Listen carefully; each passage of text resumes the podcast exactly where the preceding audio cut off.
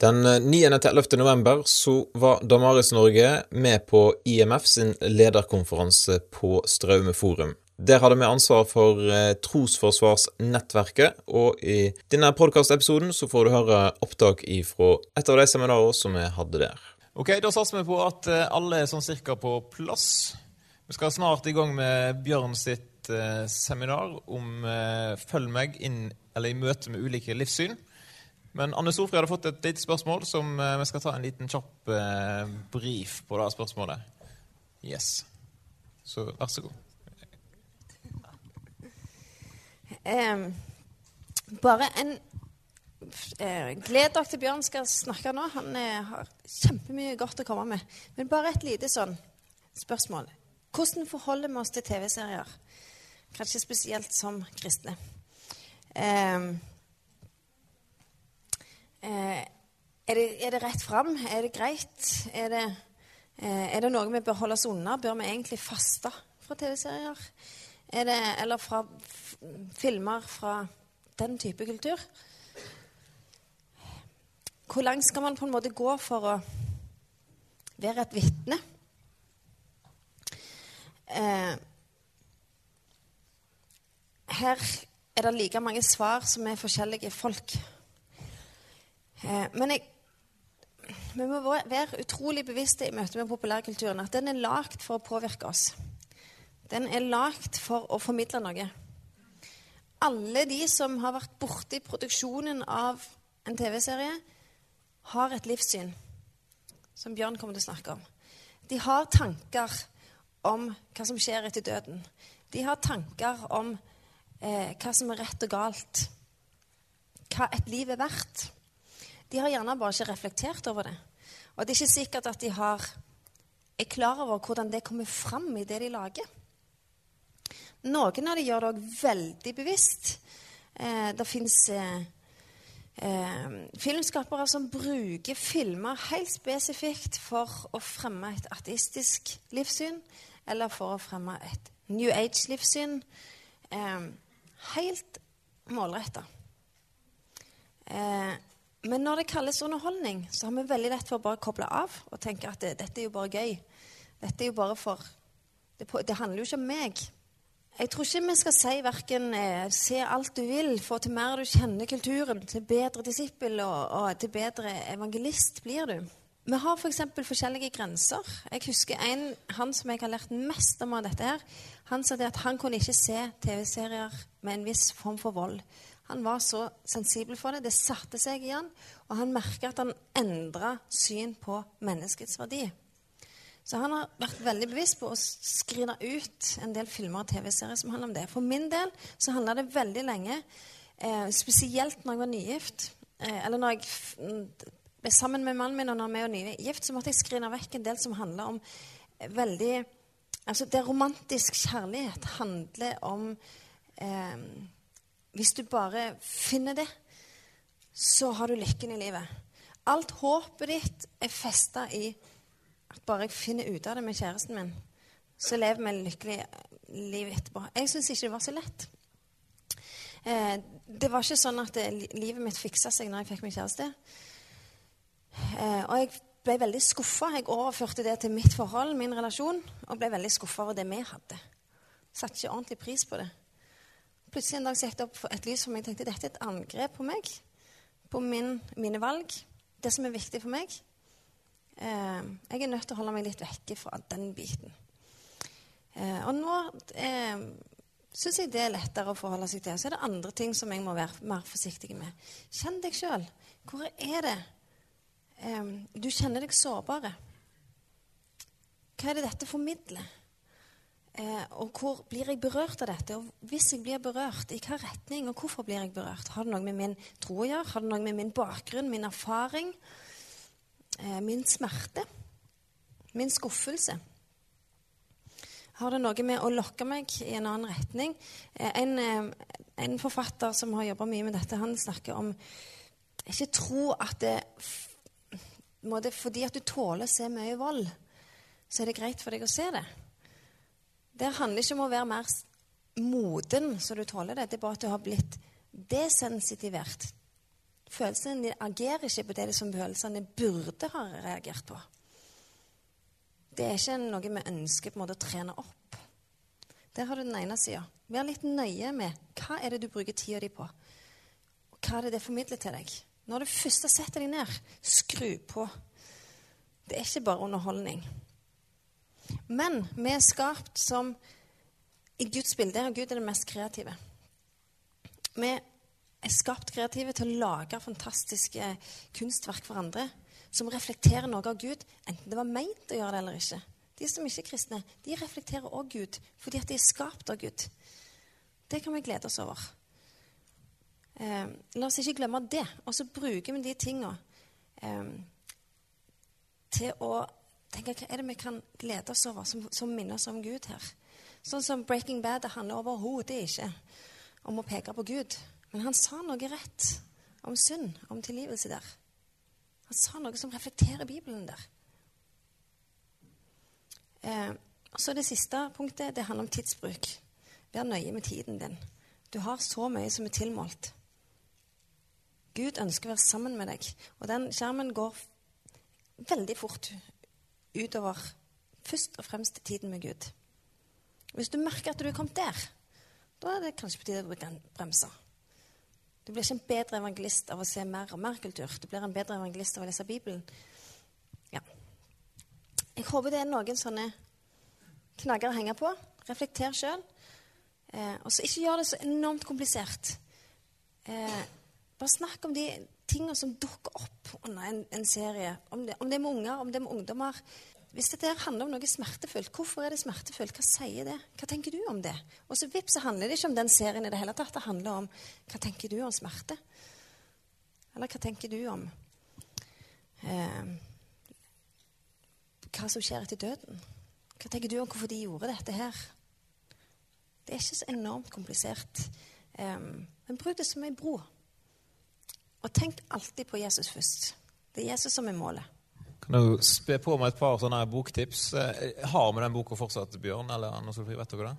Vi har noen, så løp til Snakk om tro sin eh, Du kan bestille bøker der. 'Disippel foran TV'. Der er det Nick Pollard som har vært nevnt før. Han som starta Damaris, som skriver ei bra bok for eh, disipler som sitter framfor TV, og det gjør vi jo ganske ofte. Eh, også en annen eh, kar som heter Tony Watkins. Skal vi se her, da, Amazon. Der, vet du. Den nok tror jeg du finner på Amazon. Eh, fortsatt Focus The Art of Soul Nei, Art and Soul. Da må du ikke bestille fra Amazon, da må du bestille fra Damaris. Sorry. Eh, så det fins bra bøker, og jeg tror eh, sant, altså, det fins iallfall en to-tre grøfter du kan gå i. Sant? Du kan si at jeg skal aldri se på noe som har med TV og film og sånt å gjøre. Bare en måtte stikke hodet helt ned i sanden. Eller du kan si at jeg, jeg ser hva som helst og tror at det ikke påvirker meg. Det er i fall, eh, Ingen av de grøftene tror jeg er sånn veldig gunstige. Da skal Bjørn få lov til å eh, hive seg på her. Og Noter gjerne spørsmål underveis. Så blir det litt samtale og, og sånn etter hvert. Og absolutt mulighet for å hive inn spørsmål. Sannsynligvis òg mens du prater, Bjørn. Går det an? Er det lov til å rette på noe? Han er lærer, sånn, så han kan dette her. Han vet hvordan det funker. At hvis folk retter på hånda, så vet du at de vil stille oh, ja, det er det, ja. Jeg trodde folk strakk seg her. Det er sånn... okay. Noen gjør det. Ja. Bak i hugget der. Men ja. uh, det går bra. Skal jeg låne litt uh... hmm. Vi snakket om at vi kanskje skulle bare referere til, til, noen av de spørsmålene dere allerede har sendt inn her. Bare så dere vet at dere er hørt, uten at vi akkurat nå um, gjør så mye med dem. Men liksom bare sånn at dette er viktig. Um, og, og um, plassere det litt i forhold til hva, hva, vi holder på med akkurat her på, på nettverket et bredt spekter av, eh, av spørsmål. Um, Gud åpenbarer seg for oss gjennom sitt ord, slik at vi kommer til tro. Men hvorfor åpenbarer seg Gud kun for noen? Hvorfor er det slik at ikke alle som får høre akkurat det samme, blir frelst? Uh, spørsmål om hvordan Gud frelser verden. Uh, det er et interessant spørsmål. Uh, og spørsmålet er, er dette egentlig et spørsmål vi må ha klart svar på før folk trenger å, å vurdere å bli kristne? eller er dette et spørsmål som vi kan utforske i etterkant? Jeg tenker jo det spørsmålet om, om hvordan Gud til slutt vil frelse mennesker. Vi ser jo ikke det. og Det, det at du har merkelappen 'kristen' i pannen, hjelper det jo ikke noe for Guds domstol. Sant? Det er relasjonen til Gud. Sant? Det er din tillit, din tro til Gud. Ikke om du tilfeldigvis er født i en kristen familie og sier at du er kristen. Sant? Så Gud frelser oss ikke fordi vi er født inn i en kristen kultur. For nøyaktig hvordan Gud gjør dette og Gud, Gud, vet jo mye bedre enn oss at vi er forskjellige. Forskjellig kultur, personlighet. Og hvordan han vet best hvordan han kan trekke oss inn i sitt rike. Mye bedre enn oss. Og han bryr seg mye, bedre, nei, mye mer enn oss om hvert eneste menneske, sånn som han har vevd i moders liv og fulgt hvert pust. Sant? Gud bryr seg mye mer enn oss.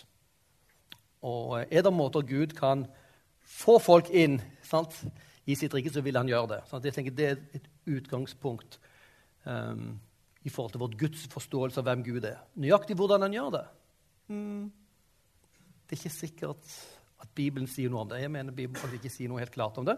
Han har gitt oss noen verktøy. Så at vi har fått Guds ord, som han sier det er levende, det er kraft i det. Det overbeviser. Okay? Gud har kanskje sjøl andre måter å nå men, inn til mennesker på, men oss har han avgrenset til eh, det vi kaller nådemidlene, de verktøyene.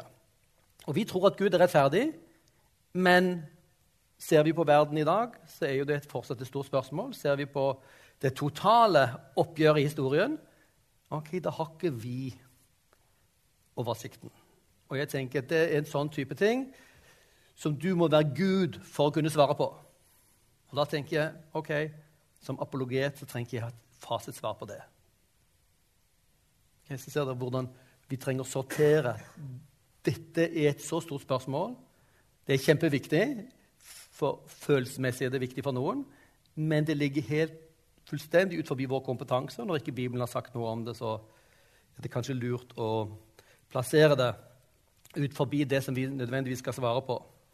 Spørsmål var spørsmål om sex og samliv. Vi får besøk av Espen Ottosen, så jeg tror vi overlater den tematikken den skal han ta opp. Um, Nytestamentet og historie, er, vi, er det sikre kilder på når Bibelen ble skrevet? Veldig godt spørsmål. Og det er dit jeg ønsker mennesker skal bringes. Fra de store livsspørsmålene, fra film og populærkultur, til å begynne å snakke om ja, Jesus, hva mente han? Ja, har han levd? Ja, vi har faktisk veldig gode kilder. Skeptikerens guide til Jesus av min kollega Stefan Gustafsson er en, en slags oppsummering av Jesusforskning de siste 30 år. Min studietid for 30-40 år siden så var det ganske stor skepsis i forhold til evangeliene. Det skjedd noe radikalt i forskningen som er en kjempestor støtte for oss som tror på Bibelen. Um, og dette som skeptiker har du god grunn til å tro både på kildene og på, på Jesu oppstandelse, er poenget. Um, tips til hvordan man kan starte samtaler om tro. Flott, Vi la oss ta opp det kanskje senere, både med Espen og Damares nettsidene. er lagd som hjelp for dere, for å skape broen mellom Bibelens, Bibelens tankeverden og vår tid.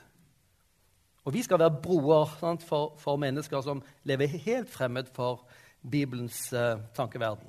Uh, og da har dere masse materiale der. Dere trenger ikke se filmene engang eller seriene, men dere kan kikke på en artikkel eller en samtale, så får dere litt idé om dette ser folk på. Dette gripes folk, her gråter folk, her ler folk, dette preges de av. Hvilke spørsmål kan jeg stille for, for å gi mening til dette? Og hjelpe folk å reflektere? Spørsmålet om jordens alder eh, og skapelse det kom vi tilbake til på søndag. ikke sant? Um, og spørsmålet om eh, um, frelse i dåpen og om jødene som har et slør. Jeg eh, tenker muligens at det er litt ut forbi i hvert fall fokuset her på kristen apologetikk hvis vi er mest opptatt av hvordan skal vi hjelpe folk som er skeptikere, til å komme inn i den kristne troen. Og så har vi, Mellom oss som kristne så har vi masse spørsmål som vi diskuterer. Blant annet er det frelse Hvordan ser vi på dåpen? Hva, hva mener vi med, det, med disse begrepene? Um, og Det diskuterer vi som innenkristelig. Og hvis vi tar det spørsmålet ut til de som ikke er kristne, så syns de det er veldig rart spørsmål. Sånn, så vi må, jeg tenker, en av, de, en av de jobbene vi trenger å gjøre som kristne, er å vite hvem er det vi snakker med her. Ikke gi de ikke-kristne flere problemer enn de trenger. Sånn? De har mer enn nok problemer. Og vi kristne vi diskuterer ting, og vi syns ting er veldig viktig. Frelse i dåpen er jo kjempeviktig for veldig mange. Sånn? Uh, og det kan være et poeng at vi kristne kan ha en sympatisk, vennlig samtale om dette, som viser litt grann det kristne si, kjærligheten i praksis, hvis vi kan greie det. uh, men det er kanskje ikke den som vil lokke sånn, skeptikere inn i tidlig. Hvorfor er Gud så lite synlig? Det tror jeg er et flott spørsmål å stille til Espen når han kommer. Han har skrevet 'Hvorfor skriver ikke Gud på himmelen?' Sant? som går akkurat på det. Og, og, det er faktisk filosofer som jobber mye med det spørsmålet. Når vi snakker om Guds skjulthet, at Gud kunne gjort seg mye mer åpenbar, er det faktisk et poeng i at Gud bevisst holder seg skjult for oss. Kan det tenkes at det faktisk er et viktig poeng i det? Og det vet uh, Espen å si noe om. Hvorfor er vår religion den rette? Kjempeviktig spørsmål. Og det er et spørsmål vi alle trenger å svare på. Kristendommen er ikke en selvfølge lenger. Vi ses på som noen sånn freaks. Veldig rare. Vi er en sånn marginal gruppe. Konservative kristne. Eh, sånt. Hvorfor akkurat kristendommen? Det lukter ikke godt an, syns en del folk som i hvert fall ikke kjenner dere som kristne. Eh, og vi trenger å ha et godt svar på det. Og jeg tenker, kan vi fokusere istedenfor spørsmålet om jødene og frelse, hvor gammel jord er? La oss prøve å bringe spørsmålet over til Jesus. Hvis han sto opp fra de døde Da har vi noe å snakke om. Da, da forandrer det alt. Da finnes det noe utover denne her verden. Eh, og Da finnes det også et håp, og da kan vi også si, si noe om den kristne troens troverdighet. Da trenger vi ha et totalbevis for alle de kristne dogmene. ikke sant? Men vi har ett punkt som vi til og med kan presentere til en skeptiker. Og det er mange av de. Noen av de har vi på pensum i kommunikasjon- og livssynsstudiet. Mange av de som har kommet til tro gjennom å ønske å ville utfordre oppstandelsen kritisk. For de visste hvis de kan undergrave Jesu oppstandelse historisk, så ramler den kristne troen sammen. Eh, og så endte de opp som troende i etterkant. Er ikke det litt merkelig? Undersøk dette. Det, det var det jeg oppdaget på når jeg endte, uh, endte, gikk på bibelskole. Min ungdom. Da hadde jeg mistet min far. Han var yngre enn jeg er nå. Uh, og to uker etter det så plutselig fant, jeg meg på en bibelskole som var kjempeviktig år for meg. Det året ble en utforsking av Jesu oppstandelse. Og jeg, hadde, eh, jeg hadde jo alltid trodd vi vokste opp kristne misjonærfamilier og greier. Hadde ikke strengt tatt kommet på å tvile så skrekkelig på det, men jeg hadde aldri trodd at dette er et argument for skeptikere. Det finner de materialet der. Det onde, hva med det onde? Hvordan kan Gud være rettferdig? Og så videre. Da tenker jeg spørsmålet om livssyn, som vi skal snakke om nå, kan være en kjempeviktig ressurs. For alle må jo forholde seg til det onde. Ikke bare de kristne. Hva tenker ateisten om det onde? Er det noe ondt, egentlig? Hva tenker pantisten, de nyreligiøse, om det onde? De som hevder at, Gud er i alt. Da er jo Gud også i Hitler, i konsentrasjonsleirene, i tsunamien, i volden, i overgrepene. Hvis Gud er i alt, så er også Gud kilden til ondskapen. Sant? Kinky. Den panteismen som en livsfilosofi har kjempeproblemer med det onde. Og ateismen. Vi som kristne har fortsatt masse spørsmål som er vanskelig å gi enkle svar på. Men hvis du ser alternativene, mm, så, det, så, har vi en veldig sterk case. Ok, La oss gå inn på dette med temaet livssyn. Og vi, vårt studium som jeg har allerede annonsert for dere, heter 'Kommunikasjon og livssyn'. Det høres litt rart ut. Vi kunne si det er kristen, kristen formidling. Sånt. formidling av kristen tro. Men vi snakker dette kommunikasjon. Hva, hva, skjer når vi kommuniserer? Vi er en institusjon som driver med mediekommunikasjon. Og så befinner vi oss i en tid hvor det er mange ulike livssyn. Når du snakker til folk som er kristne, kan du henvise til Bibelen. Og hvis du henviser til den, så er saken biff. Da er, det, da er det avgjort. Hvis du kan ha et bibelsted, og du har riktig tolkning av det, selvfølgelig også, da har du svarene. Men hvordan gjør vi det når vi skal snakke med ateister og panteister og masse rare? Og muslimer? Jo, da trenger vi kunnskap om de ulike livssynene. Sånn at vi forstår de innenfra, sånn at vi vet hvilke spørsmål vi kan stille for å hjelpe de til å tenke kritisk om sine posisjoner. Sånn at de kanskje kunne tenke ok, det er noen spørsmål jeg ikke har tenkt igjennom her. Kanskje det også kan lytte til de kristne svarene. Så det vi skal gjøre nå, um, så er det tenkt å introdusere denne livssynstenkningen. Det er et verktøy dere kan bruke i møte med vanskelige spørsmål, i møte med medier, ungdom, populærkultur og i møte med mennesker. Ikke bare se på hva slags musikk og klær og stil de har, eller hvilke følelser de har, men prøv å, prøv å forstå deres dypere oppfatninger av livet. La oss si litt om det, og så skal vi, skal vi eh, litt etter hvor mye tid vi har, skal vi se på noen eksempler på livssyn. Er vi her? Ja. Og så hadde jeg tenkt at dere gjennom, gjennom dette også skal få litt tid til selv å gjøre noen analyser her. Sant? Hva sier dette klippet her om de aspektene ved livssyn som vi skal ta fram? Vi holder på med dette i Damares Norge fordi at hun, Damares fra apostelgjerningene 17 En kvinne blir nevnt. Damares og Dionysios, som må ha vært to veldig viktige personer, siden de nevnes, um, kom til tro i Aten. Når Paulus henviste til, til populærkulturen, til filosofene der, og bygge den broen. Det er det vi ønsker å gjøre. Og det vi også kan se, hvis vi ser nøye, at Paulus går dypere enn bare å sitere. Sant? Han går ned til grunnforståelsen av tilværelsen. Uh, og jeg tenker det er en, en um, fin anledning til å, til å begynne nå med å se hvordan Paulus snakker med mennesker som et helt annet livssyn enn han. De kjente ikke begrepet skaper, sånn som vi kjenner til. Én Gud som har skapt himmel og jord. Det var et helt fremmed begrep for grekerne. Det fantes mange guder. Noen har skapt det, noen har skapt det. Du har Gud for himmelen, Gud for havet, Gud for sånn, Som vi hørte med Jonas' uh, fortelling. ikke sant?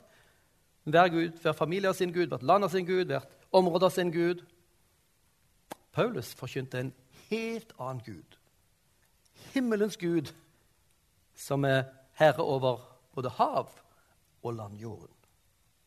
Hva? Han som har skapt alt. Og Så kommer Paulus til Aten. Dere kjenner kanskje fortellingen der. Jeg synes det er en fantastisk fortelling om hvordan Paulus ble helt opprørt. Han kom i Aten, og det fortelles av turistguider fra den tiden at i Aten var det flere avguder, sånn temp templer og gudestatuer, enn det var mennesker. Det var så fullt av religiøse symboler. Og så kommer Paulus og skal han snakke til disse i Aten. Og merk dere, han er opprørt, men hvordan snakker han til dem? Atenske menn Nå vet vi at Damaris var i området også. Hun, det var ikke bare kvinner der, men det var jo en mannssjåvinistisk kultur mer enn en vi er nå. Atenske menn, jeg ser at dere på alle måter er svært religiøse. Hmm. Han kommer ikke med en profets dom over avgudsdyrkelsen. Vi ville kanskje hentet Amos eller eh, Jonah. Sant? Dom over dette folket som, som gjør urett osv. Nei, dere er så veldig religiøse. For da jeg gikk omkring og så på helligdommene deres, fant jeg et alter med denne innskriften. For en ukjent Gud! De var ikke helt sikre på hvem, hvilken Gud var det egentlig som var Gud. Og så griper han fatt i den, den innrømmelsen at de ikke vet alt. Det dere tilbyr uten å kjenne, det forkynner jeg dere.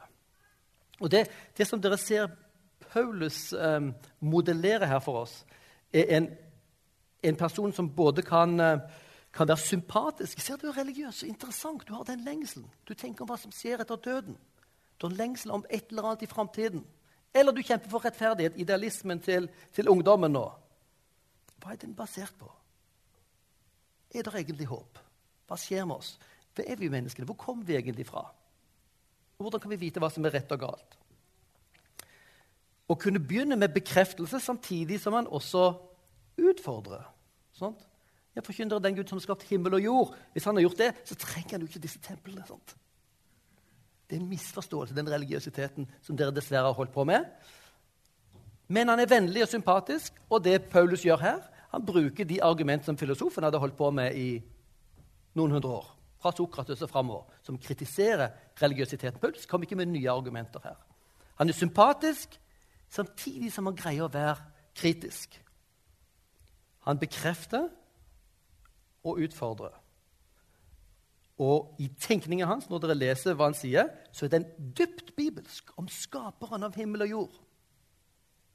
Som gir konteksten for å kunne si noe om Jesus. Det ser ut som når Paulus begynner å snakke om, om, eh, om han som Gud har oppreist fra de døde, så ser det ut som han blir avbrutt, at folk ler og stopper han. Dette blir for vilt. Paul, Paul vil nok fortsette å si litt mer om dette hadde sluppet til, sannsynligvis. Eh, men da syntes de hadde fått nok. For oppstandelse var jo helt latterlig. De trodde jo på et liv etter døden. Det var vanlig i antikken. Men å stå opp med kroppen, det var jo fullstendig latterlig. Kroppen var jo stedet for smerte og, og lidelse. Den vil vi bli kvitt når vi dør. Og så sier Gud at den kommer tilbake igjen. Nei, det kan vi ikke ha noe av. Så Paulus er bibelsk uten å sitere Bibelen. Hvordan kan vi være bibelske i møte med ungdoms- og populærkulturen? Uten nødvendigvis å sitere bibelvers. Når vi siterer bibelvers, så gjør vi de vi snakker med, vi fremmedgjort. For dette er vår bok. Hvordan kan vi tenke bibelsk om det? Stille spørsmålene, ha den bibelske sammenhengende tanke. Det er en av de tingene som du kan se at Paulus gjør i apostelgjerningene 17, og som vi kan lære noe av. Og igjen denne dobbeltheten som eh, også Anne Solfrid påpekte her, at det kristne bildet på kulturen og på mennesket er etter en dobbelthet. Mennesket er skapt i Guds bilde. Så mennesket er fantastisk. Kultur er fantastisk. Populærkultur er helt fantastisk. Mobiltelefoner, apper og Facebook er fantastisk. Og så er mennesket også en opprører. En egoist. Vi er opprør mot Gud. Kultur er skrekkelig. Vi kan skade hverandre. Vi gjør det også hele tiden. Og det, Begge tingene er sant samtidig. Og det gjelder også enkeltmennesker. De vi møter, de er elsket av Gud, de er skapt av Gud. Gud har lagt en lengsel inn i dem. Den må vi bekrefte. ikke sant? Gud gjør jo det. Vi trenger gjenfinne den. Og så trenger vi å si ok, her er det noen, noen ting, noen misforståelser, ting vi trenger å utfordre. Så det gjelder populærkultur. Det gjelder også når vi nærmer oss livssyn, andres livssyn. Kan vi begynne med å bekrefte sannheter, ting vi er enig i, så skaper vi en bro. Og så gir det også rom til å kunne også utfordre misforståelser. Og da sier vi ikke 'ja, du tar feil', men vi stiller 'kan du forklare dette, Herre'? Hvis, hvis du mener Gud er i alle ting, hva da med ondskapen og kreften og sykdommen og, og holocaust? Så må de prøve å svare og prøve prøve å sortere ut dette gudsbegrepet som, som skaper så grunnleggende store problemer. Utfordre misforståelser. Når vi tenker om livssyn, så mener ikke vi det om du er medlem i en kirke, bedehus eller en organisasjon. Livssynssamfunn. Vi snakker om livssyn som et perspektiv, som briller. Uh, alle har et livssyn. Ikke alle er medlem i noe livssynssamfunn, men alle har et livssyn. Og det er en grunnleggende, eh, et grunnleggende prinsipp eh, som vi har, eller grunnleggende forståelse av livssyn som vi bruker her. Fordi alle har et livssyn, så trenger vi å forstå de andre personenes livssyn. Sitat fra, fra C.S. Lewis. I believe in Christianity as I believe the sun has risen, not only because I see it, but because by it I see everything else. C.S. Lewis så det at, at, troen har to retninger. På den ene siden kan du si at Troen dreier seg om å ta imot et budskap. Jesus død for våre synder. Gud skaper og treenig. Dogmatikk. Vi får det som et budskap. Det er det ene perspektivet. Du kan se rett på det som du ser på solen. Ja, det finnes der. Den andre funksjonen til vår forståelse er at disse tingene kaster lys over resten av tilværelsen. Det er også briller. Den kristne troen er brillene vi ser verden gjennom. Gud har skapt alt. Det betyr at verden vi ser på, å, denne uttrykker noe Guds storhet og godhet, Guds orden. Snakker om naturvitenskap, det er kjempeviktig. det vi møter mennesker, så de er skapt av Gud, de er elsket av Gud. De gir briller å se tilværelsen gjennom. Og Det er det som vi fokuserer med, med livssyn. Den kristne troen som brillene vi bruker når vi ser rundt omkring på tilværelsen. På spørsmålet om det onde, på spørsmålet om mening, spørsmålet om autoritet. Alle de store, alle de store spørsmålene. Og så er det jo sånn normalt med livssyn i denne forstand at et livssyn er noe som vi ofte ikke er bevisst. Um, vi som er kristne, er forhåpentligvis ganske bevisst den kristne troen vi har. Men folk som ikke har valgt et bevisst livssyn Hvis du er humanist, så vet du ganske nøyaktig hva du mener. Hvis du er en konservativ kristen, så burde vi også vite ganske nøyaktig hva vi mener. Men folk som ikke har valgt et livssyn, de er ikke klar over at de har et livssyn. Oftest er det ganske ubevisst. Det er noe sånn som bare ser tilværelsen gjennom. Så når populærkulturen, disse filmene dere ser, når den stadig ser på kristendom som noe mørkt og uvitenskapelig, så er det ikke fordi at de nødvendigvis vet at det er sant, men det er brillene de ser sin tilværelse gjennom. Ateistiske briller. Tilværelsen er meningsløs.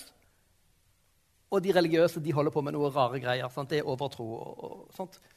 Um, brillene som man ikke engang bevisst man har, men som man trenger å bli bevisst, og som er noe av vår, vår jobb som kristne å bevisstgjøre andre enn oss selv. Vi trenger å bli bevisst vårt livssyn. Hva er det kristne livssynet? Som er noe annet enn kristen dogmatikk, men kristen livssyn bygger jo på kristen dogmatikk. Sant? Og vi tenker at det kristne livssynet er type syn på livet som krist, ulike kristne har felles. Sant? Fra ulike konfesjoner, ulike um, um, ulike kristne sammenhenger. Så de, det er de store linjene i kristen tro. Hvis vi stiller spørsmålet her nå hva er et livssyn, så kan vi gjøre oss bruk av en helt enkel definisjon som den store livssynsforskeren i Norge, Per Magne Odnanes, bruker, og sier helt enkelt Mer eller mindre helhetlig svar på livsspørsmålene. Det er et livssyn. Mer eller mindre helhetlig svar på livsspørsmål. Og Da er jo selvfølgelig det neste spørsmålet dere må svare på. Ja, hva er livsspørsmålene? Hva er livsspørsmål? For Det er jo ikke spørsmålet hvordan skifter jeg dekk på bilen, hvilken farge på sokkene skal jeg ha, eller hvem skal jeg gifte meg med. Det er livsviktige spørsmål, det er ikke livsspørsmål. Hva vil dere, sånn, sånn umiddelbart tenkt, hva, hva, er livsspørsmålene i denne forstand? Kan du bare gi meg noen forslag? Hvor kommer alt fra? Det er et stort livsspørsmål som egentlig alle livssyn må forholde seg til. Hvor kommer egentlig alt fra? Flere? Ja? Ja, meningen med livet. Hva er meningen? Har livet en mening? Om du mener at det har en mening, da har du briller til å se tilværelsen med som bekrefter mening. Hvis du mener at det ikke har mening, så er det også brillen du ser tilværelsen med. Sant? Ja, flere? Ja. Hva skjer når vi dør? Er det slutt? Lever vi mange liv, som panteisme eller reinkarnasjonslæren sier? Eller er det sånn som, som, eh, som um, de grekerne, gamle grekerne tenkte, at når vi dør, så går vi over i en sånn skyggetilværelse før vi kanskje ender opp i den lykketilværelsen? Um, som noen kristne ser ut til å ha tenkt. Vi er så påvirket av Platon og Augustin. Vi er her på jorden, så skal vi til himmelen. Og Hvis det er sånn vi tenker om det, som en god del av salmene våre sier, så glemmer vi noe av det viktigste.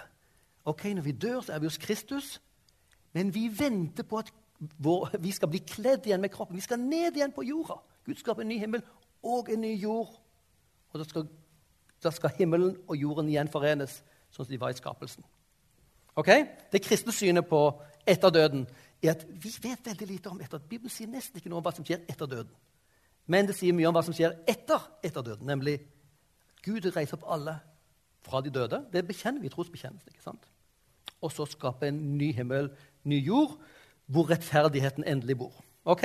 Syn på hva skjer etter, etter døden. Kjempestort spørsmål, som, som også er eksistensielt kjempeviktig. Flere livsspørsmål? Ja? Finnes sannhet? Ja. Finnes sannhet i det hele tatt? Hva slags type sannhet? Eh, er sannhet bare en sånn subjektiv ting? Er det bare en følelse? Ja, fortsatt.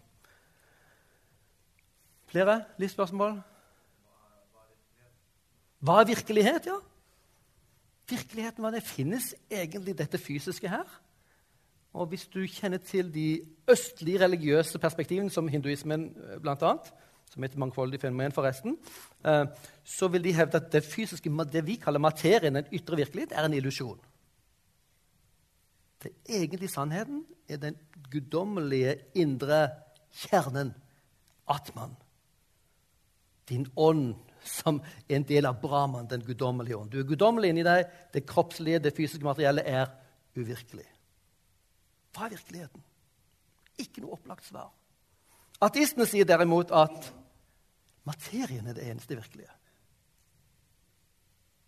At det ikke finnes noe mer enn materie. Vi kristne sier ja, vi tror materien er virkelig, vi tror den er skapt av Gud. Med andre finnes det også en Gud. Og disse, og disse tingene er ikke sånn som du kan helt opplagt bevise. Og absolutt ikke med naturvitenskapen. Sant? Men det er livssynsbrillene og de brillene vi tar på oss, har enorme konsekvenser for masse spørsmål. Så her er vi med, akkurat med disse livsspørsmålene. Og, og eh, noen føler noen sammenhenger sterkere behov for svar på noen av de. Sant? Når du mister noen kjære, så er dette spørsmålet med døden sterkt eksistensielt viktig. Og som bl.a. gjør spiritismen til et veldig attraktivt fenomen. Tenk om du kunne få snakke med din kjære! ved å gå på en seanse. Møte dette eksistensielle behovet vi har for, å finne sin relasjon fortsatt. Et alternativ til den, det kristne synet på tingene. Og Spørsmålet hvor vi kommer fra, det er kanskje litt sånn teoretisk for en del. Men plutselig så hvis det blir viktig, for spørsmålet om mening har jo med det å gjøre. Hvis vi kommer fra bare tilfeldigheter, så gir ikke spørsmålet om mening mening. Ok. Sånn at Her er det mange ulike perspektiv. En av de tingene vi trenger å gjøre, er å gå inn i, i våre medmenneskers sko eller universer. Vi lever i ulike universer. Gå inn i deres universer som vi snakker om. Gå inn i vår neste sko. Prøv å kjenne hvordan er det å leve som den personen. Hva tror de på? Hva får de til å stå opp om morgenen? Hva lengter de etter? Hva tenker de om mening, hvor vi kommer fra, hvor vi går hen? Også selvfølgelig hva deres, hvordan er deres holdning og forståelse av hva kristendommen er. Det er en viktig ting at du fanger opp. Eh, sånn at når du snakker om kristendom, at du kan være med og punktere masse av de mytene som, som eh, folk sitter med om kristendommen. Kunne, vi kunne delt inn livssyn i mange forskjellige måter. Hver forfatter og hver tenker har jo sin type livssyn. Du kan, du kan, dele det inn i to. Det er mitt livssyn og alle andres livssyn. Du kan dele det inn i to. Alle som har det sanne livssyn, alle som har det ikke sanne. Ehm, du kan dele det inn akkurat som du vil. Litt etter spørsmålene du stiller. Her er det en måte som C.S. Lewis bruker, og en som heter John Lennox, som har skrevet disse bøkene her, bruker også den måten. Stiller to grunnleggende spørsmål det åpner opp tre familier av livssyn.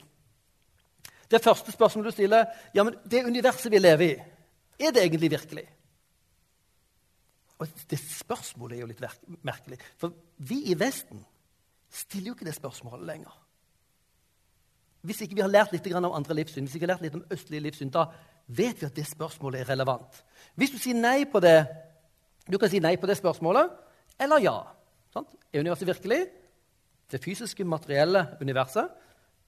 Er det ikke virkelig, eller er det virkelig? Og hvis du sier nei, da hører du inn under de hinduistiske, panteistiske livssynsfamiliene, som sier den egentlig eneste virkeligheten er den guddommelige. Du er guddommelig, du er udødelig, du er allmektig. Og det at du føler deg syk og svak og dødelig, det er bare en del av illusjonen. Og Derfor, når du skal ha yoga, som er hinduisme i praksis, skal du stoppe sansene, lukke øynene, prøve å stoppe tanken. Ta ut fra det materielle for å forene det med det guddommelige Brahman. Fordi dette ytre er så uvirkelig. Det eneste virkelige er det indre, guddommelige kjernen. Ok?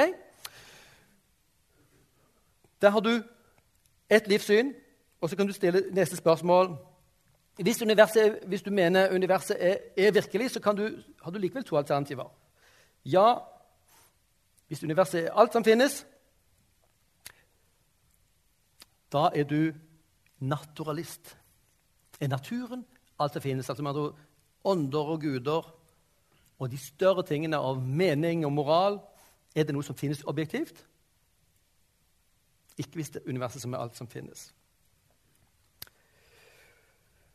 Hevder du at universet ikke er alt som finnes, så vil du høre inn under det vi kan kalle teisme. Du tror at universet finnes, men også Guden som har skapt dette. Da har du tre ulike familier av livssyn. Det er en veldig nyttig måte å sortere livssyn på, som dere vil finne flere steder. For dette er de aller, aller største alternativene og familiene. Um, la oss si litt om livssynsbegrepet før vi går i gang med litt mer konkrete typer livssyn. For vi skal ikke bruke akkurat den tredelingen, vi skal bruke en annen inndeling som er enda mer presis eller nyttig for oss i Norge. Vi kan se på livssyn som et isfjell. Og vi husker jo alle Titanic, ikke sant? som kjørte på et isfjell. Isfjellet ser ut som en bitte liten is, uh, isbit som ligger i vannet, og så er det en helt enorm 90% av det ligger under. Så det er svært fjell. I et livssyn så kan du, du kan bare se hva folk gjør, handlingene. Det er det som er synlig. Det gjelder også når du ser på film, så kan vi analysere livspraksisen. Hvilke handlinger og valg er det folk gjør? Hva som er viktig for dem? Det er det du ser. Men det som ligger under her, er verdier, menneskesyn, virkelighetsoppfatning.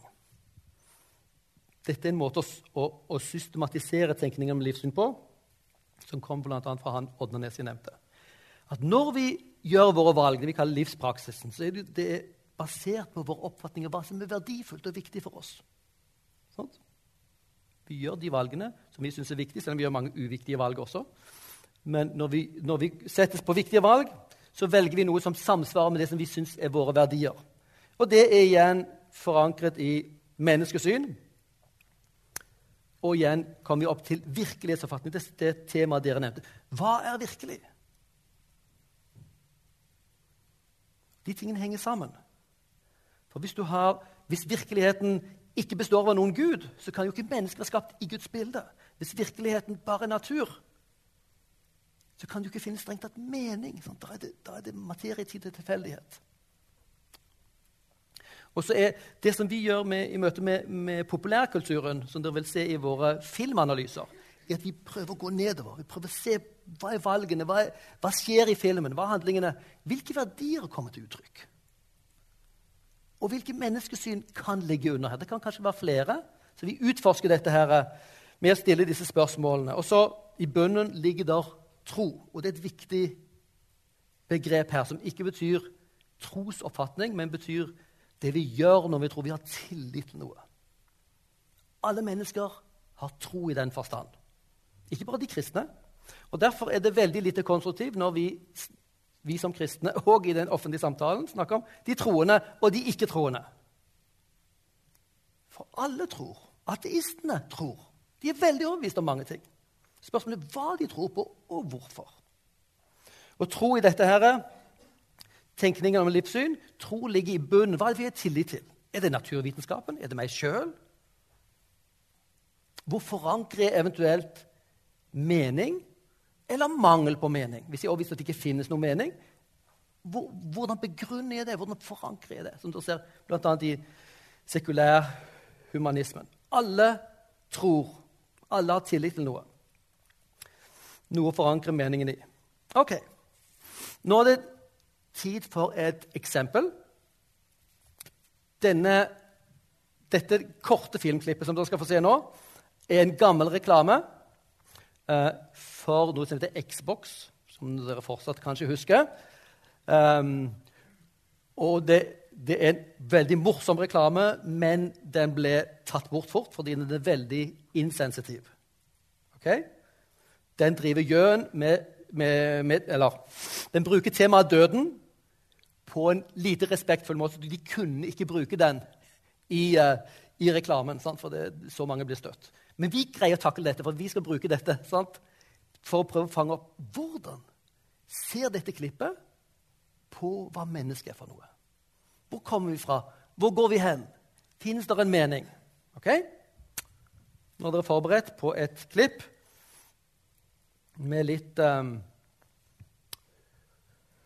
Og vi er her på en uh, fødestue.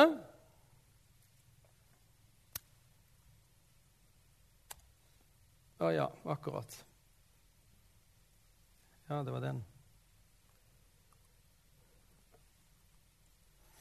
La meg se her nå. Ja, vi har den der. Den ligger, den ligger egentlig der.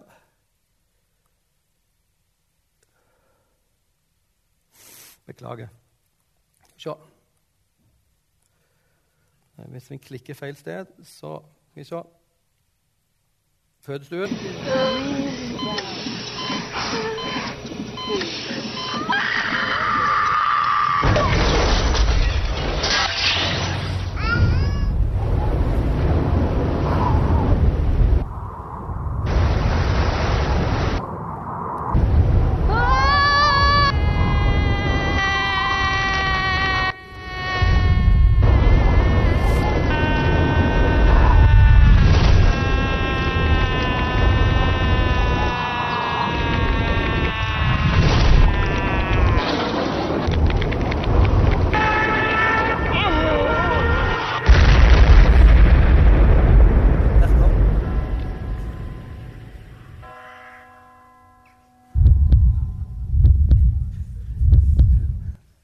Er det ikke genialt? Det er helt genialt laget, men forferdelig brutalt. Du forstår, Man kan ikke bruke en sånn reklame. Så vi bruker det ikke som reklame, men eksempel hvor forferdelig de kan lage fortellingene. Men det vi er interessert i nå, er de viktige spørsmålene her. Sant? Om verdier og virkelighetsoppfatning og, som ligger under. Der er vi. Yes.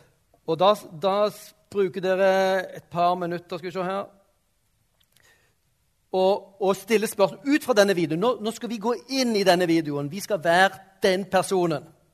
Ikke sant? Dette er det universet vi faktisk lever i. Og stille spørsmål Hvem er jeg i dette universet?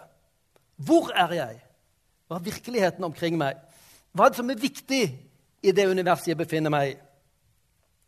Hva bør jeg gjøre? Altså De livsvalgene som er viktige, vi fikk tips helt på slutten, de henger nemlig sammen. Ok, Kan dere snakke litt med naboen og prøve å finne svaret på de fire spørsmålene ut ifra den korte klippet? Sånn? Hvor er jeg, hvem er jeg, hva er viktig, og hva bør jeg gjøre? To minutter. Ja. Kunne vi fått noen innspill fra dere nå på, uh, på disse spørsmålene? Uh, hvis, hvis, vi, hvis, vi, begynner med Kanskje det er et sted hvor det er enkelt å begynne med menneskesynet. Hvem er jeg? Hva, hva, hva, kan vi si ut fra denne filmen? Hva, hvem er jeg som menneske? Hva sier, denne, hva sier filmklippet? Vi, kun, vi, kunne snakket om livsfølelsen. Hvordan føles det å være menneske? Hvordan føles det å være det mennesket som blir født? Fantastisk så interessant med verden her når vi utforsker. Nei? Hva vil dere si? Hvem er jeg? Ganske forbipasserende, ja. Og li livet er kort, altså. sant? Det var, jo, det var, jo, bottom line på slutten, det, som blir grunnen til handlingsmønsteret. Og det går enormt fort. Eh, og den, den, livsfølelsen der med ting går veldig fort, det tror jeg vi kan kjenne oss igjen i. kan vi ikke det? Ting går så fort. Oi, nå er dette året omme også. Eh, og den livsfølelsen av, av et stor fart, og at vi har ikke helt kontrollen, Kanskje det er noe, noe som de også spiller på. ok? Han farer forbi. Hurtig bevegelse. Flere ting? Ok, Han er som hvem som helst, ja. Vi møter ikke han som person. Ingenting av hva han tenker på. Ja, tenker på noe? Han, ikke, han sier jo ingenting. Men han, han, uttrykker noe. Han skriker. Ja, ok. Det er ikke mye mening og konversasjon. Det, det, det, vi tenker det viktige med oss, er jo ikke hvordan vi ser ut av kroppen vår, men hvem vi er, vår sjel. ikke sant? Den er helt vekke. ok? Flere ting. Hvordan så han ut? Hvilken stil hadde han? Naken. Mm. Hva, hva, sier det noe om, om hvordan de ser på mennesket? Eller hvordan mennesket presenteres her? Vi er sårbart, ja. Du fyker opp i luften der. Sånt. Ja. Flere ting. Sårbart. Du, du har ikke tøy på deg. Um, han skriker på et øyeblikk. Ser dere det? Han begynner å skrike. Han, det er jo skriker fra starten. Og så overtar Ser dere når det begynner å bli? Når skriker dette barnet? Ikke når det blir født, men når det begynner å nærme seg tweens. sant? Begynner å oppdage verden omkring og hvor, hvor, hvor, vilt og ille dette her er, så begynner han å skrike. Okay? Ganske interessant. Eh, den som har øynene åpne, han vil skrike at dette her er skummelt. Verden er skummel. Flere ting? Bo, ja? Han er alene, ja. Dette med fellesskap, som vi er skapt til, det er en del av vår identitet som mennesker. Det er helt borte. Ett individ. Ja. Flere ting. Hadde han kontroll over noe? Nei, ikke kontroll over noe. Han var bare en utgangshastighet, og så fulgte han tyngdekraften til slutten. Ikke kontroll over noen ting. En, var det en mening med hans liv? Hva vil dere tenke hvis dere var den barna? Ikke mening. Og døden liksom undergraver i hvert fall det lille det måtte være mening. Men det er ikke tid til noe mening. Det er ikke tid til å tenke spørsmålet engang. Og så slutter det. Og hva skjer etter døden? Merker dere, Hva skjer etter døden i den filmen? Det blir svart. Ikke det er interessant? Det er livssyns, en livssynsoppfatning. Det, det sier noe om virkelighetsoppfatning. ikke sant? Når vi dør, så er det slutt. Ja, men hvordan vet du det? Det vet du ikke. Det er bare en trosoppfatning. Det er brillene du ser tilværelsen med. Okay?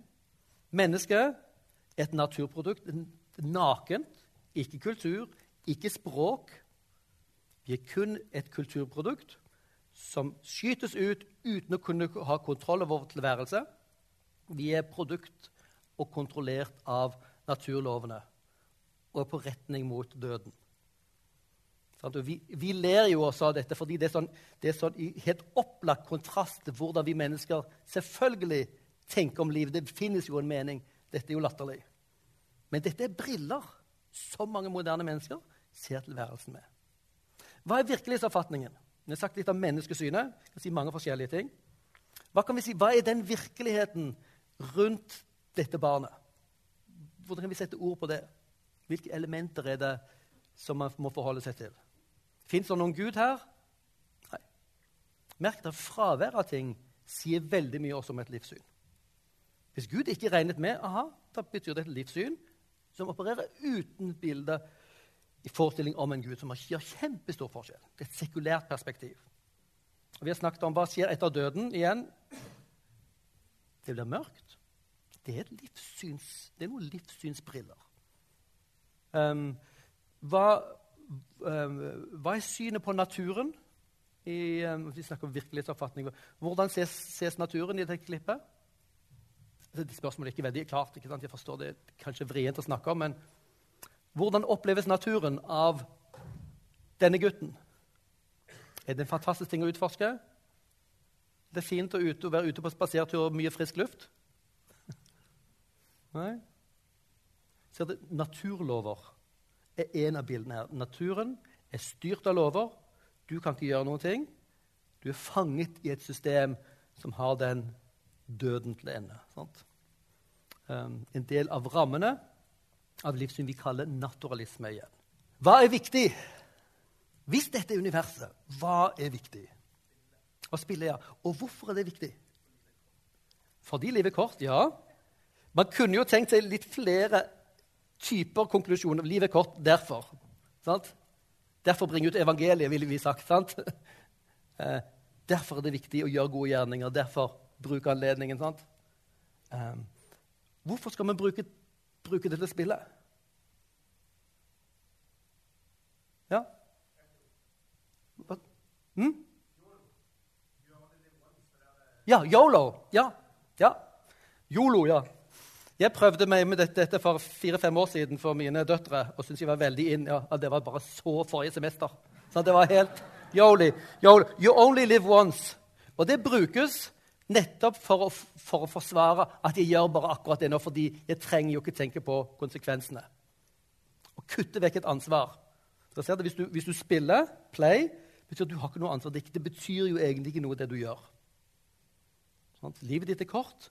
Derfor er det viktig at du bruker det for å tjene Gud, tjene medmenneskene dine. ikke sant? Du har denne tiden. Vi snakker jo ofte om det i forkynnelsen. Her brukes det til noe helt annet. Du har bare denne tiden. Hvorfor, hvorfor skal man, er det andre grunner for, for, at man skal bruke tiden på spill? Som dere kan se relevansen av i, i dette livet. Ja? Mm, ja. Det er ikke noe som er strengt viktig. Det er, det er ikke noe som betyr noe. Sant? Og så kanskje tenker seg en grunn til. Når, når, han begynner å skrike, begynner å våkne som, som, intellektuelt og se hvor skummel verden er, hvordan hjelper spill oss der? Ja? Rømme fra virkeligheten. Det er fantastisk? Helt genialt. Spill fungerer som en fantastisk Du trenger ikke tenke på at du skal dø, annet enn du bruker spillet til å drepe folk hele tiden. Sant? Masse av disse spillene er jo, er jo voldelige krigsspill. og sånt. Eh, men, men, du trenger ikke tenke på at du er dødelig. Flukt fra virkeligheten. Og det fins ikke noe større bilde av virkeligheten som sier at du betyr noe. At du har ansvar. Det er briller som vi ser virkeligheten gjennom, som betyr kjempemye. Og vi nå, Hvis vi da, som kristne skal begynne å snakke om synd ja, Hva med din synd i forhold til Gud? Ser dere, Hvis du er dette barnet som fortsetter ut i en bane styrt av naturen, hva er synd, da? Helt meningsløst. Helt meningsløst. Hvis ikke det fins en Gud, så fins det ikke synd. Det kan finnes lidelse, lidelse og meningsløshet, men ikke synd. Synd betyr ansvar overfor en Gud som har stilt noen krav til deg, og som du står ansvarlig for. sant? I dette universet gir ikke synd mening. Og Derfor var Paulus i apostelgjerningene 17 kjempe, uh, hadde kjempevekt på først tegne opp universet. Det fins en Gud som har skapt himmel og jord. Han har fulgt menneskeheten. Sant? Stammer fra en, en, en, stamfar. Vi er alle ett som mennesker. Og så skal han holde oss ansvarlig, og så skal, en dag skal det skje rettferdighet. Dette, Det finnes en mening, det finnes en Gud. Og derfor skal han holde oss ansvarlig. Ser dere det? Hvis vi ikke går inn og ser på det større bildet av tilværelsen, så forsvinner tyngden av alle våre begrep. Og hvis du da er en sånn en prosjektil, hva skal du med Jesus? Jeg skal jo jeg skal gi meg en ny følelse istedenfor gaming. Sant? En del mennesker ser på religion som en ja, hvis, hvis ikke du vil bryte tid på gaming, så kan du jo gå på møter og kor. Sant? Kristne aktiviteter. Spørsmålet om sannhet blir helt irrelevant. Det er bare spørsmål om bruken og nytten og følelsene. Ok, nå har dere vist hvordan dere kan bruke dette til å stille spørsmål. Hva er synet på mennesker som ligger under i reklamen? Og husk dere, reklamen vil tjene på å få dere til å føle at, at dere er styrt av naturkrefter. Jeg bare må ha det. Ikke det er en fantastisk ting? Må ha det. Jeg har hørt den. Med andre gi etter for impulsene. Dette trenger dere. Colaflasken vi, vi kjenner den. Gi etter for impulsene. Og det er de som tjener pengene på det. Vi gir impulsene, gi etter for impulsene, og så går pengene våre tilbake til de. Helt genialt. Hvis vi slutter å tenke at vi er ansvarlige mennesker, tenker kritisk over hvor, hva jeg bruker pengene på, hvorfor akkurat dette, gir dette mening, og spesielt sett det livet større mening, så blir vi offer for også den kapitalistiske spekulasjonen som skjer i mediene. Ikke bare i reklamen, men i all, all medieformidling, populærkultur. Kapret humanisme som begrep. For humanisme er en mye mye bredere kulturell idéstrøm og verdistrøm enn akkurat det som de sekulære humanistene har. De har en antireligiøs perspektiv, mens de gamle humanistene de var normalt ganske sterkt religiøse. Ok, Sekulær humanisme betyr den humanismen som ikke opererer med religiøse forestillinger om guder osv. Og så har du et religiøst perspektiv som ser på mennesket som først og fremst del av naturen. Det vil si, eh, de, ser, de ser ikke på naturen som så veldig viktig, men skillet mellom menneske og dyr er ikke et vesensmessig skille. Dere vet vel muligens gjennom, gjennom reinkarnasjonstanken så kan du bli gjenfødt som en ku. Det vil være en ære. Som en rotte. Det vil ikke være like stor ære. Sant? Som et insekt. Som en bramin. Litt etter hvordan du har levd. Du belønnes eller straffes gjennom karma sant? Eh, i ditt neste liv. Og Poenget er at det er ikke vesensforskjell mellom mennesket og andre vesener. Det er bare gradsforskjell. Så panteismen et religiøst livssyn hvor mennesket først og fremst ses som en del av det hele, og ikke noe som er hevet over det. Og så har du et sekulært perspektiv som vi kan kalle naturalisme. Og det er det perspektivet som egentlig lå under hele den Xbox-videoen. Mennesket er kun et produkt av naturen. Da gir det veldig mening å se dette mennesket som helt nakent. Vi, vi er ikke kulturvesen, men vi er egentlig naturprodukter. Um, og det slutter med døden. Det fins ikke noe mening, ikke noe høyere mening, ikke noen gud, ånder eller ansvar. Det er naturalisme. Og naturalismen tror jeg kanskje er den største, en av de største utfordringene for oss eh, i Norge i dag. Den ser enormt utbredt i populærkulturen, i film. Du finner den hele tiden. Delvis fordi at noen av de ønsker å promotere dette livssynet, ateismen. Sant? Men delvis også fordi det er bare brillene de ser verden med. En ting dere, dere godt kan vite når vi, når vi hadde han, uh, vår venn John Lennox på besøk i, i forrige måned i, uh, i, uh, i Grimstad så fortalte han Han kjenner jo til, han er jo fra Oxford selv, han kjenner til Richard Dawkins, som han har hatt debatt med flere ganger. Han forteller at Det Richard Dawkins gjør nå Han er ikke mer interessert i debatter. Sant? Han greier ikke ta de kristne lenger. så Det, det, det funker ikke. Sant? Han trodde nok det var veldig lett å kunne bare ta de kristne i debatter. Men, men uh, når du har folk som John Lennox, så er det ikke så lett å ta de. Og det er folk som blir kristne av å se disse debattene. Det er ikke så kjekt for Richard Dawkins. Okay? Det Dawkins istedenfor bruke tiden på jeg skriver barnebøker. Tenk dere det. Hva tror du de barnebøkene kommer til å være preget av? Vitenskap? Ja, men først og fremst ateisme. En ateisme som gjør seg bruk av vitenskap for å gi legitimitet til ateismen, som egentlig er naturalisme. Og Ordet naturalisme er et viktig begrep som jeg tenker dette tar dere med dere fra i dag. Vi snakker ofte om en ateisme. Vi vet hva ateister er. Det er humanetikere. ikke sant? Men ateisme er et veldig uklart begrep. Du kan være en buddhist og være ateist. For buddhister har ikke alltid begreper om Gud eller guder. Du kan være religiøs og være ateist. Så ateisme sier ikke noe om hva du tror, det sier bare hva du ikke tror på. Ikke du tror ikke på noen gud eller guder. Naturalisme, derimot, det forteller deg hva du faktisk tror på. Derfor burde vi utfordre ateistene på naturalismen. Det er deres trossystem. Ikke angrip deres ateisme, for det, det, er en veldig vag ting. Det er bare noe de strengt tatt ikke tror på. Men vi stiller spørsmål til deres naturalisme. Jeg tror det er det vi skal bruke tid på. Eh, og vi skal sitere naturalister i ja, vi, vi, skal ikke se på Bruce Almighty, som kunne vært et veldig interessant case. Hvor mange av dere har, kjenner til eh, filmen Bruce Almighty? Å oh, ja, flott. ja. Eh, det er en kristen regissør. sant? Det kan kanskje ane det, dere som ser filmen. Det er så mange kristne elementer. Det ondes problem ligger under her. Ikke alltid det strengt tatt passer godt med den kristne lære, eller det vi kaller dogmatikk eller kristne lære. Men det er så mange ordentlig dype ting fra et kristent perspektiv her inne at hvis vi aner dette, så kan vi se at okay, her er det masse kristen livssynelementer i filmen. Det går an å lage film som beveger mennesker, som rører dem, og som morer dem, med et kristent livssynsperspektiv. uten at de føler de har fått, fått trykket religion inn i fjeset. Det liker ikke folk. Folk liker å bli evangelisert. De liker å utforske. Sant? La oss si de det.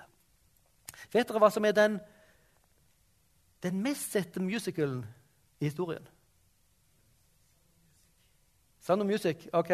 Men altså teater. Le Miserable. Den ser vi hvert, hvert år med, med Kommunikasjon livssynsstudieturen. Le Miserable er jo en fortelling, en kristen grunnfortelling om omvendelse. En, en forbryter som blir ja, som gjenreises, finner liv, og hvor, hvor spørsmålet om Gud er, er, ting som er gjennom hele filmen. Uten at det blir pinlig. Men folk beveges. Det er sterkt og dypt. Det er om tilgivelse, forsoning osv. Det går fortsatt an å få det til. Men folk trenger, trenger, å få anledning til å reflektere over dette. Hvis, hvis, hvis tilgivelse og gjenoppreisning er så viktig, okay? hvilket livssyn passer best til det? Hvis du er et naturprodukt som er det prosjektilet vi så hva, til, hva trenger vi tilgivelse da? Nei. Gjenoppreisning? Nei. Forandring? Det gir ikke mening i dette livssynet. Inni et kristen livssyn så gir dette plutselig dyp, dyp mening. Ok, La oss se på noen flere eksempler på naturalisme, uttrykk for naturalisme i uh, film. Skal vi først få, et sitat fra denne? Filmen 'Collateral', som er noen år gammel, 2004. ja. Så um, da var det vel en del av dere som var unge. Da Filmen dreier seg om en, eh, en, en morder, en leiemorder, som kaprer en taxi. Dere ser sjåføren sitte her.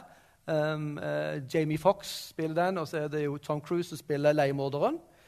Og så um, uh, tas han som gissel, og så skal han kjøre rundt sted etter sted, og så dreper han. Og det er da folk, folk som skal vitne i en rettssak, finner han ut etter hvert. Uh, og han oppdager, jo, han oppdager, jo, hva som skjer når når en kropp, død kropp ramler ned på panseret på bilen, og forstår at det er morderen der. Og hvordan kan du gjøre dette? spør Jamie Fox, som er sånn moderne, humanistisk Skal vi ikke være snille? Og merk dere hva Victor, som, han, som uh, Tom Cruise spiller, hvordan han unnskylder seg. Han henviser til hele universet. There are what? Millions of galaxies with hundreds of millions of stars. And that's us. We're a speck on one in a blink. That's us. Lost in space. You, me and the policeman. Nettopp drepte en politimann. Fordi universet er så stort. Mennesket bare et lite støvfnugg universet. Det er ikke noe verdi i det. Forutsett et naturalistisk univers hvor kun materien er det som teller i forhold til verdi. Hvis det fantes en gud, så kunne det godt være at Gud kunne sagt at dette fnugget her, dette snøfnugget er kjempeverdifullt. Og det vi har i det kristne livssynet. Men her er det faktisk livssynsoppfatninger som kommer fram i diskusjonen. Og han, Jamie Fox har jo ikke noe argument tilbake igjen. Det er han som høres ut som den intellektuelle morderen som argumenterer ut fra naturalisme og ateisme at det fins ikke mening, det fins ikke moral. Mennesket har ikke noe verdi. Han har ingenting å stille opp med, annet enn at han må jo prøve å, å, å stoppe morderen når det viser seg at uh, en kvinne som han var blitt litt glad i, også er, er sistemann på listen her. Så Da har dere litt stoff til en slags livssynsanalyse. Og spørsmålet er hva slags, hva slags livssyn er egentlig han andre har, Jamie Fox, som er uenig med han som ikke veldig, kommer ikke veldig klart fram i filmen, kanskje. Det er et eksempel på det. Og man kunne jo Hvis vi skal, hvis vi skal presentere naturalisme som et livssyn sant? Det vi gjorde første gang, var å se et klipp, og så stiller vi spørsmålet. Hva er synet på mennesket? Hva er synet på virkeligheten som ligger under? Hvilke verdier er det som kommer til uttrykk her? Og hvilke handlinger burde gjøre? Hvilken livspraksis? Sant? Det er en måte du kan begynne med. Du kan også begynne med å, å tegne opp livssynet, som vi skal gjøre nå helt, helt kort, utover disse spørsmålene. For det første ja, la, la, meg sette, la, meg sette, opp hele, hele, eh, bunten her. For det første naturalismen hevder, som ordet naturalisme antyder, naturen er alt som finnes. Og merk for det første at der utelukker de eksistensen av Gud eller guder eller ånder. Er ikke bare hva man mener faktisk finnes, men hva man utelukker. Hva man stenger ute. Naturalismen hevder at Gud, guder, ånder ikke finnes. Det er overtro. Det overnaturlige er overtro. Men merk deg for det andre her. Altså, merk deg for det første hva det utelukker. Det sier mye om et livssyn. For det andre, merk dere hva slags univers det finnes. De tror på naturen som et ordnet system. Det fins naturlover. Merker dere den prosjektilen fra Xbox-reklamen? Han følger naturloven. Sånn utgangshastighet, vinkel, tyngdekraft, retning. Treffer akkurat der som han, han skulle ifølge naturlovene. Det finnes noe som heter orden i universet. Er dere ikke overrasket? Vi tar det som en selvfølge, men det er ikke noen selvfølge. Det er en arv av den kristne teologien, ikke minst den middelalderske teologien, som sa at fordi Gud har skapt universet, så forventer vi å finne en orden. Og Da begynte vi å snakke om naturlover. Er det noen av dere som har brutt tyngdeloven, forresten? Gravitasjonsloven? Nei, håper ikke det.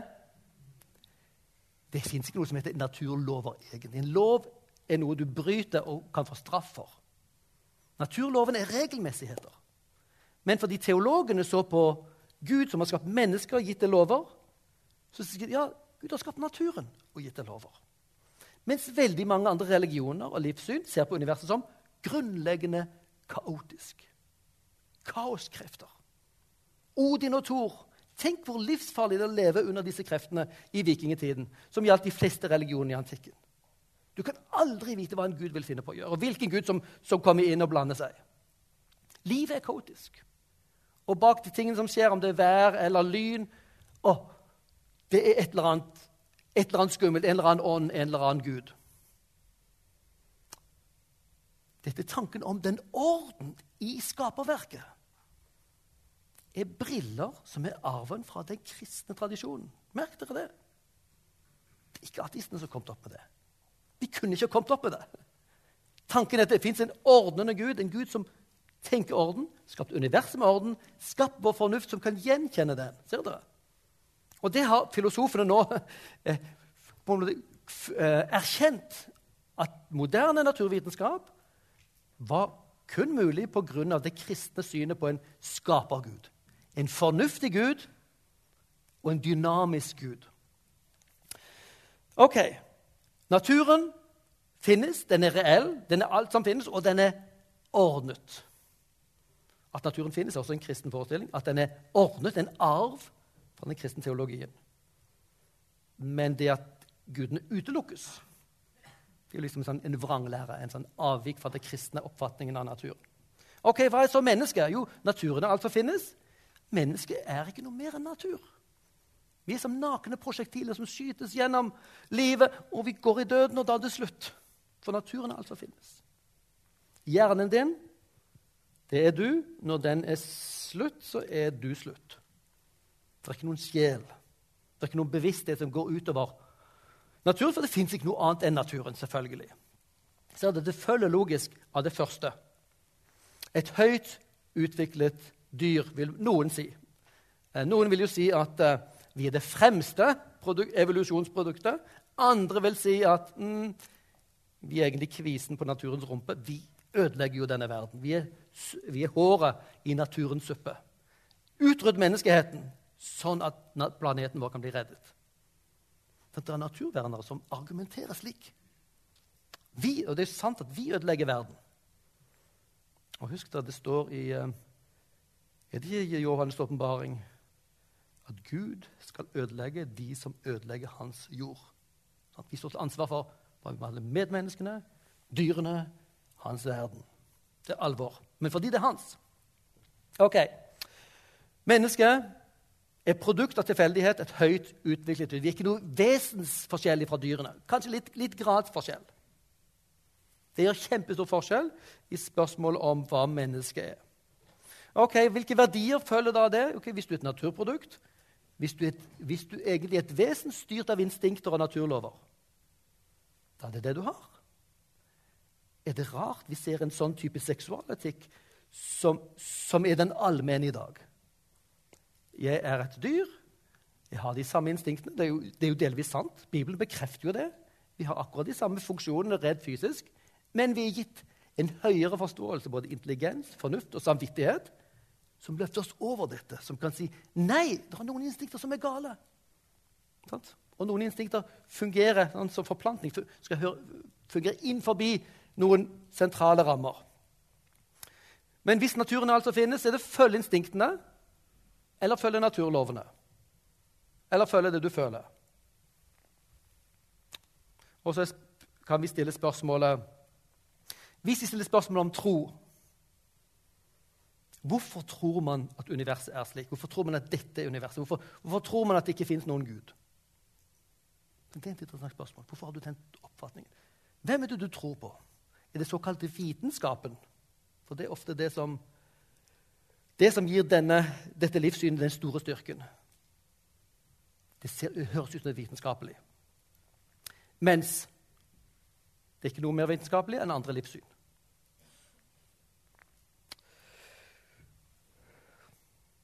Ok, La oss høre sitater fra noen veldig betydelige naturalister.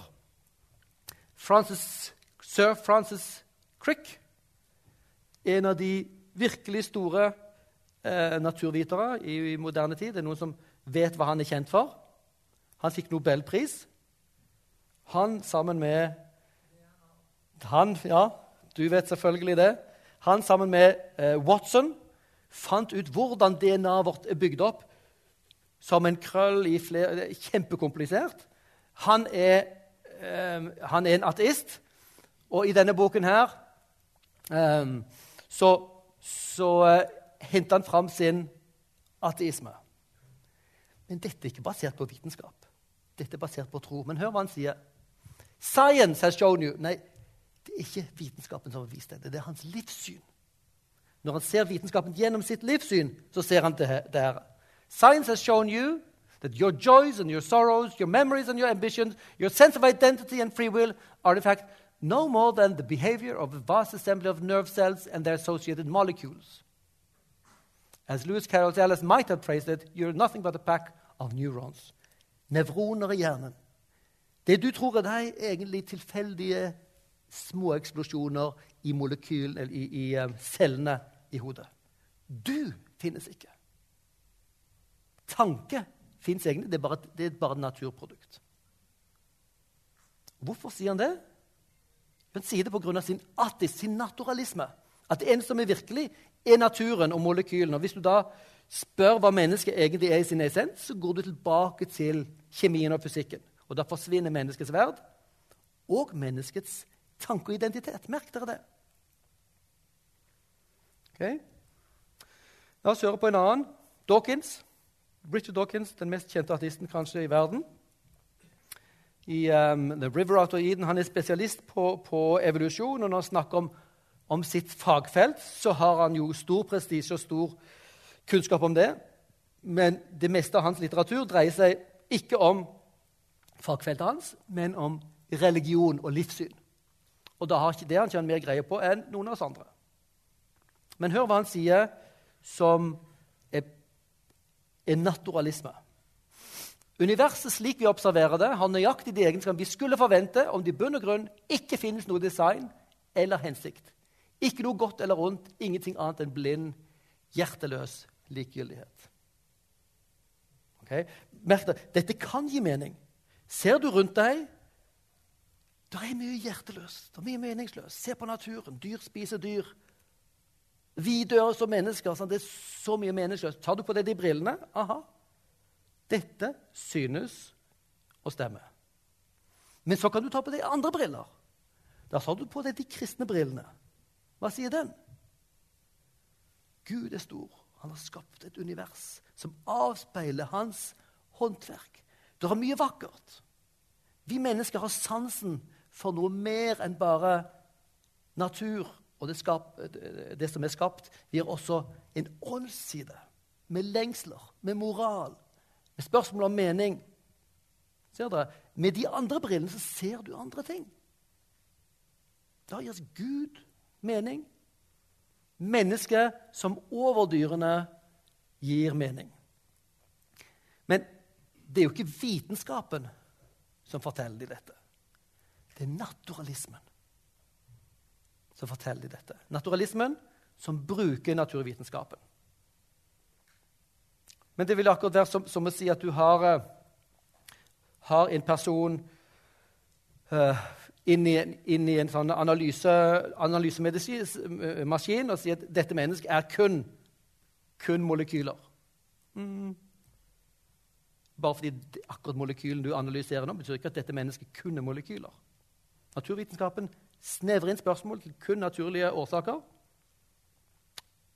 Men spørsmålet selvfølgelig er det alt. Og vi som kristne mener at det ikke er det.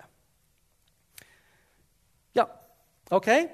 La oss nå prøve et nytt uh, klipp som jeg fikk fatt på av Anne Solfrid her nå nylig. Det er fra en, en serie um, som heter True Detective. Er det noen av dere som kjenner til den? Nei. Ja, men Så flott. Da stiller vi likt. Jeg kjenner heller ikke til serien. Men merk dere hvordan de snakker om tro og religion. Og dette i Amerika. Amerika er veldig mange mennesker kristne, eller i hvert fall kristelige. Og så stiller de spørsmål om hva en tror på. Og merk dere hvordan ting formuleres. Um, skal vi se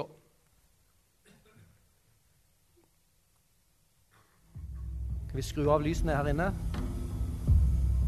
To på en kjøretur som har en diskusjon. To detektiver.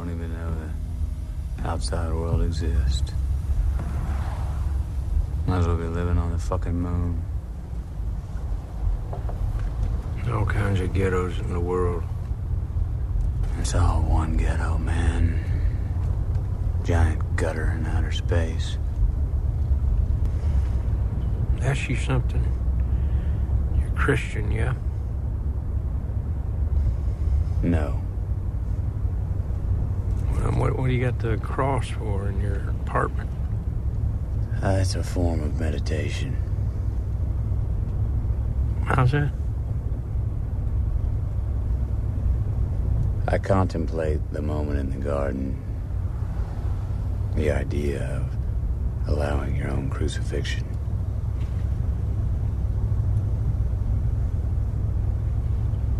But you're not a Christian, so what do you believe? I believe that people shouldn't talk about this type of shit at work. Hold on. I'd consider myself a realist, all right? But in philosophical terms, I'm what's called a pessimist. Um, okay, what's that mean? means I'm bad at parties. Let me tell you, you ain't great outside of parties either.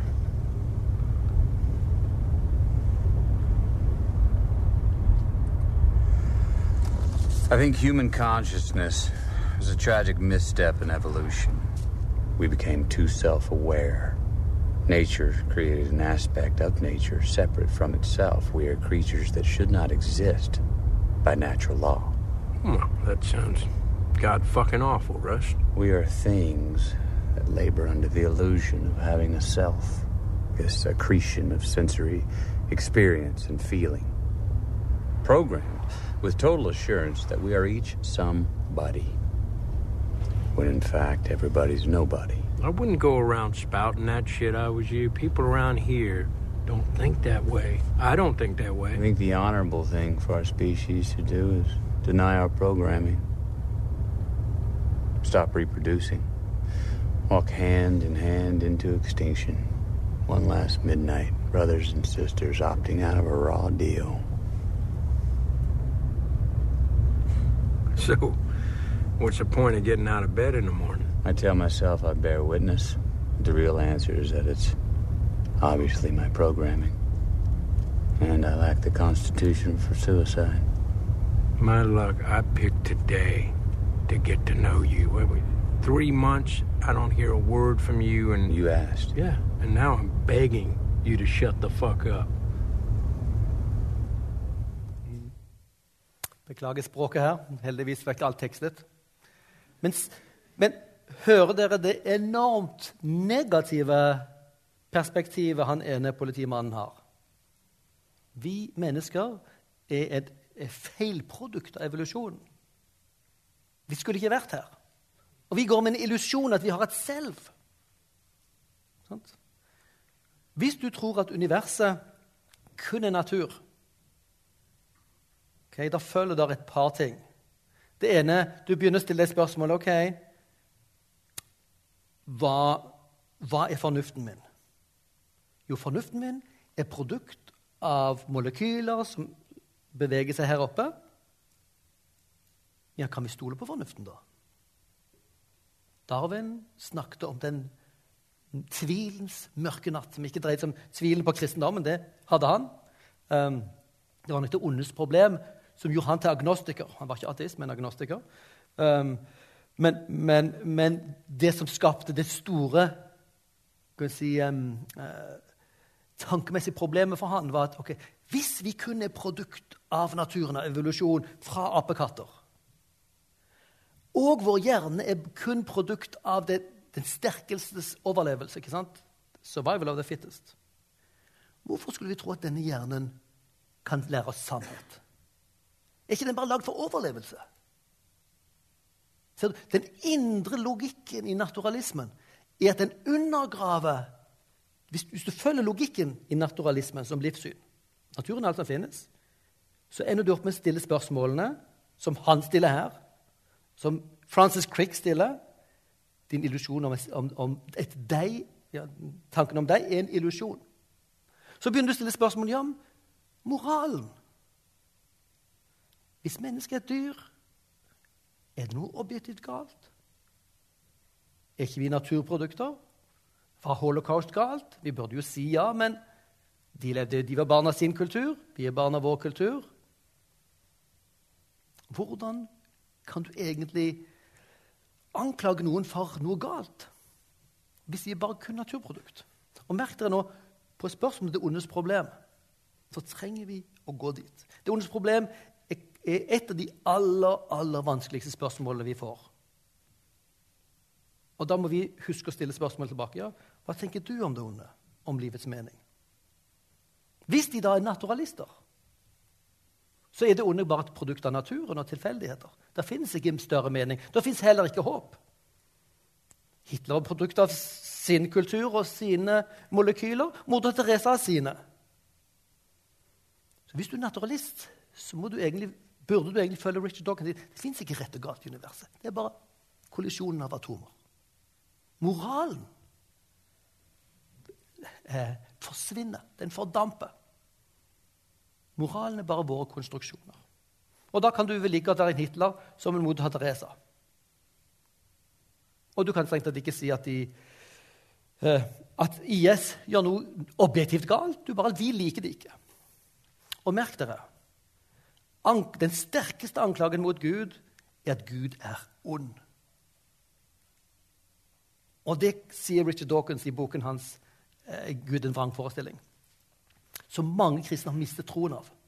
De har lest den boken, blir så skaket, og det, troen deres ramler sammen. Men det vil si, denne boken hjelper de ikke til å reflektere, men den overvelder de med masse følelser. Dawkins er veldig flink til emosjonelt språk. Men vi bruker denne boken på førsteåret vårt for våre studenter, hvor de kan analysere den. Og så Argumentet her er jo helt pinglete. Spesielt i lys av det han tror på. Hvis han tror at det ikke fins rett og galt, hvordan kan han hevde at det Gud gjør, er galt? Ser du? Bruke livssynstenkning. Hvor du, hvis du er panteist og tror at alt er guddommelig, så er det onde også en del av det guddommelige. Hvis du er en naturalist, at alt som finnes i natur, så er det onde bare naturlig. Da har vi ingen grunn til å protestere mot det. Og Det var en av de tingene som fikk C.S. Lewis til å miste sin ateistiske tro. Hvordan kan det ha seg at han var så sint på urettferdigheten? Hvis vi bare er produkt av naturen. Han innså at den lengselen etter rettferdigheten sier mer om virkeligheten enn hans naturalistiske livssyn, som sier at vi er bare produkt av tilfeldigheter. Og de følelsene er bare irrasjonelle. Nei, lengsel etter rettferdighet sier en dypere ting om virkeligheten enn hans ateistiske livssyn. True detective. Så, så um, når, vi, når, vi, møter spørsmålene, så er en av de nyttige tingene vi kan, kan gjøre, er å stille de store spørsmålene tilbake. Ja, hva tenker du om det onde? Hvis de har problemer med det ondes problem, som er et reelt problem for oss Vi tror at Gud er helt, helt fullkommen. Ikke bare at han er litt god, men han er hellig. Derfor setter vi standarden enormt høyt. Så vi har mye å forsvare. Men la de først få rydde opp. Ja, finnes egentlig rett og galt? For Hvis ikke det finnes, så har du ikke noe å anklage Gud med. Men det er når du blir kristen, da har du problemet ondes problem. For Gud, hvor lenge, Herre, som vi leser i Salme, Salmenes bok stadig Hvor lenge, eller hvor, hvor, hvordan kan du tåle dette, Herre, ondskapen? Og vi ber om at han må komme tilbake snart. Maranata. Sant? Herre, kom. Din vilje skjer, osv. Dette henger sammen med det kristne livssynet. Sant? Men det betyr at vi har et annet perspektiv på det. Vi tror at det fins en Gud. Det har skjedd en skade fra starten som bl.a. har med, ja, har med, med alle typene eh, problemer som vi opplever. Og så en gang vil det gjenopprettes. Det betyr ikke at vi har svar på alle problemer. F.eks. Hvorfor, hvorfor mistet Jem to søsken når de var omtrent ny, nyfødte? Kristne kan ikke svare på det. Men vi kan svare på om de tror det fins noe godt og ondt. Ja, fordi det fins en Gud. Er det håp? Ja, fordi det fins en levende Gud, en oppstått Jesus. Så når vi, når vi stiller de store spørsmålene, så blir det så mye tydeligere hva vi har å komme med. Vi, vi er også knyttet til en, en bevegelse som heter Labri-bevegelsen. Noen av dere har hørt om Francis Schaefer, en, en amerikansk tenker som, som, kom til Europa etter andre verdenskrig for å bygge opp igjen det kristne Europa som var ramlet sammen etter krigen. Um, han drev en del søndagsskolearbeid og, og forskjellige ting i, i Sveits. Men hans store arbeid vokste fram av en ren tilfeldighet. Barna hans tok med seg vennene sine hjem og stilte alle slags typer spørsmål. På 1950-tallet og 1960-tallet. Da, da, skjedde det veldig mye i populærkulturen. Det var Vietnamkrig, det var hippietiden, det var rock'n'roll, det var drugs, sex and, and peace. Og De hadde masse spørsmål til kristendommen. Og så så Francis Schaefer det er nesten ingen kristne som lytter til spørsmålene. Og Francis Schaefer var en av de som sørger for ja, lytt først og gå i dybden. Still de store spørsmålene. Og Han dyttet ikke troen, den kristne troen på folk. Det han sa først Lytt til hva de tror på, og la de følge konsekvensen av det de tror på. Hvis du, hvis du ikke tror det finnes en Gud, La de få lov å være der og stille de spørsmål. Ja, burde ikke det, godt og ondt være likegyldig? Eller det fins jo ikke objektivt sett. Ja, kan du praktisere det? Din kone, din barn, din kjæreste i samfunnet. Kan du leve med det virkelig? Dytte folk i retningen av der, der deres eget livssyn går, for å vise at dette fungerer ikke i virkeligheten at de trenger andre svar. Når de da blir åpne, så ser man tydeligere alternativet. Det er en bok som ble skrevet på kanskje 1980-tallet, som heter 'Vegen gjennom'. Det var en, en, en kristen ung, ung, mann som var inne i et herlighetsmiljø, og som opplevde at vennen hans døde i kreft og fikk en kjempekrise. Hvordan kunne du, Gud? Kristendommen funker ikke. Sant? Vi ba, og det skjedde ikke noe. Finnes du egentlig i det hele tatt? Han kom til det som da var det svenske labri. Nå har vi ikke et labri i Sverige, men vi har England. Og der fikk han hjelp. Boken hans forteller om det. Han fikk ikke de kristne svarene først. Han fikk hjelp til å tenke gjennom ja, hva hvis Gud ikke finnes? Tenk det ut til bunns. Ikke løp til kristne svar før du vet har undersøkt det alternativet. Det var når han så det, hva alternativet var, så så han den kristne troen. Den gir mening til vår lengsel, til vår moral, eh, til universets orden, til alle de tingene som er viktige. Og til naturvitenskapen. Så Derfor er livssynstenkning en helt grunnleggende ting. Og kanskje naturalisme er en av de nyttigste livssynene du kan, du kan uh, kjenne til. Det ligger ofte under overflaten. Mennesker som snakker både om etikk og moral. Nå snakker vi om abort igjen. sant?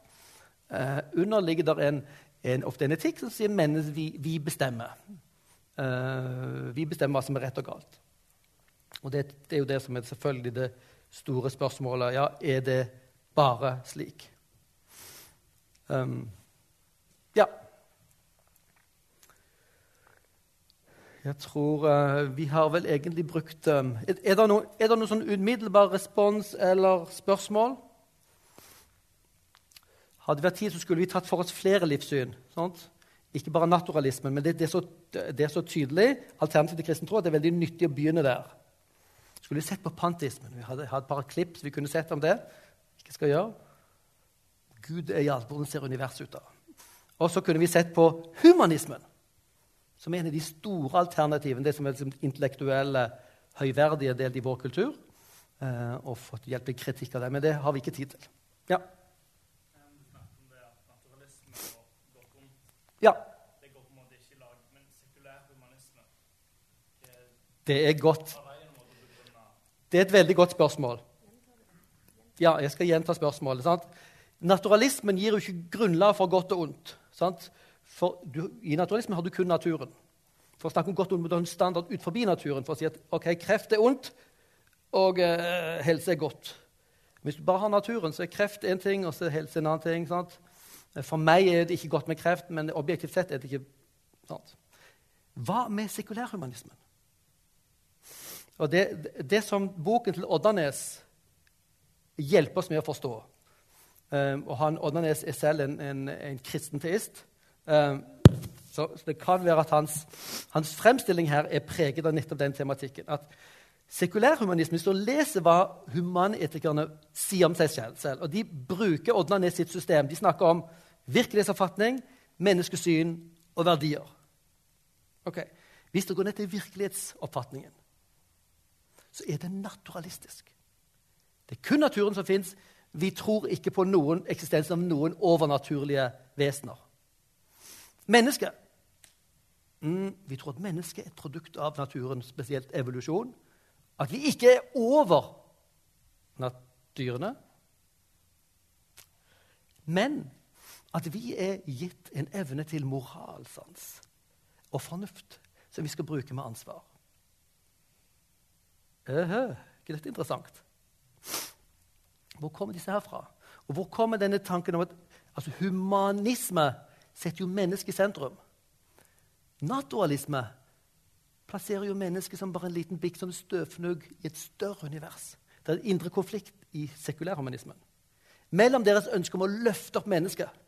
Sånn, dere har sett det der fantastiske humanistsymbolet som står sånn. Løfte seg opp mot himmelen. Det fins ingen Gud over. Vi skal utfolde oss. Men det universet som det mennesket finnes i, er uten mening. Som de sier helt tydelig. De er ærlige på det.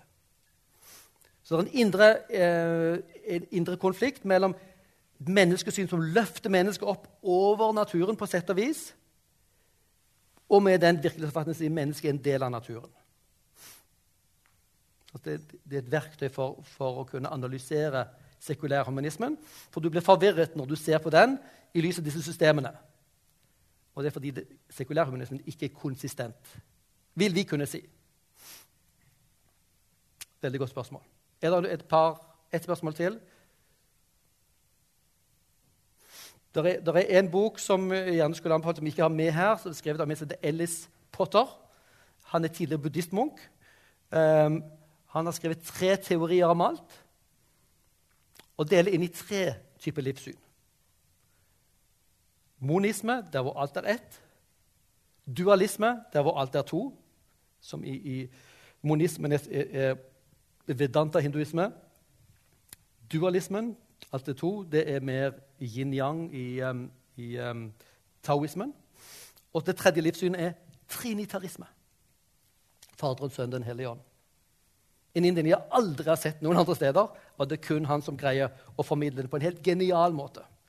Du må velge univers. Og hvert av universene gir dyp mening. Det er det vi må forstå. Alle livssynene gir oss noe. De er ikke dumme. Ingen livssyn er dumme. Men noen av livssynene forhindrer oss fra å gi mening til en viss type ting, viss type fenomener. Og den kristne troen kan vi hevde er den som gir best mening blant alternativene. Ser dere? Vi trenger ikke bevise at kristendommen har svar på alt. Men vi kan si at det kristne perspektivet, det kristne livssynet, er det som gir de mest tilfredsstillende svarene på de store livsspørsmålene. Og da må vi gå stille de spørsmålene. stille de Vi skal være sånn som Sokrates. Stille irriterende spørsmål til folk. Ja, hva tror du på? Ja, hvorfor det? Interessant. Ja, Hvis mennesket bare er natur, hvorfor det? Ja. Å nei, nei, nei.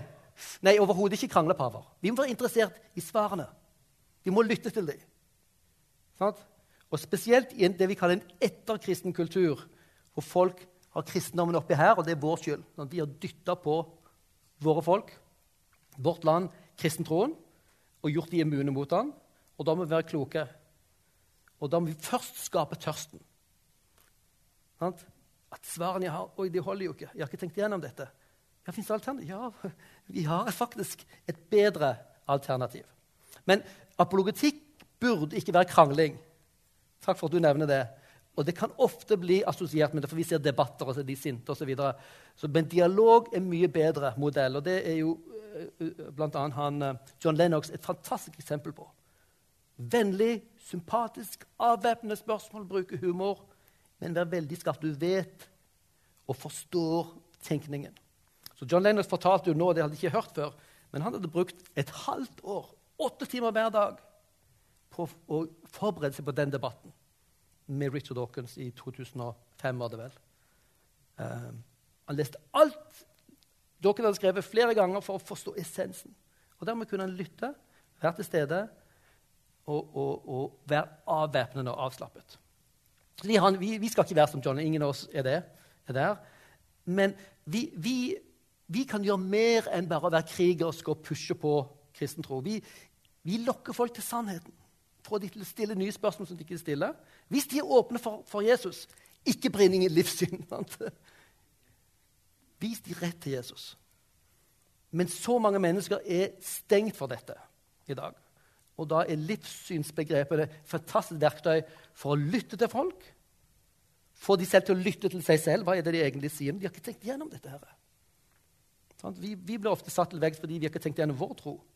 Det som vi ser nå blant humanistene i Kristiansand, er at de har ikke så mange til å stille opp i debatt med de kristne lenger. Det er flere tidligere, tidligere artister som har gått på kommunikasjon og livssyn, som gjerne vil være med på debatter og stille opp mot, mot humanetikere. Og de, når, når, når humanetikere må forsvare hva de tror på, så er det forferdelig pinglete. Det var en, når jeg var bibelskolelærer på Hall, så var det en av de mest oppbyggelige timene de fikk. Invitert inn en humanetiker, og Studentene hadde fått litt, grann, litt undervisning om livssyn på forhånd. Vi hadde gitt dem litt verktøy. Og han som var filosof, hadde ikke svarene. La oss stille spørsmål, sånn at de blir åpne for å undersøke sannheten. Kanskje vi har bedre svar. Yes.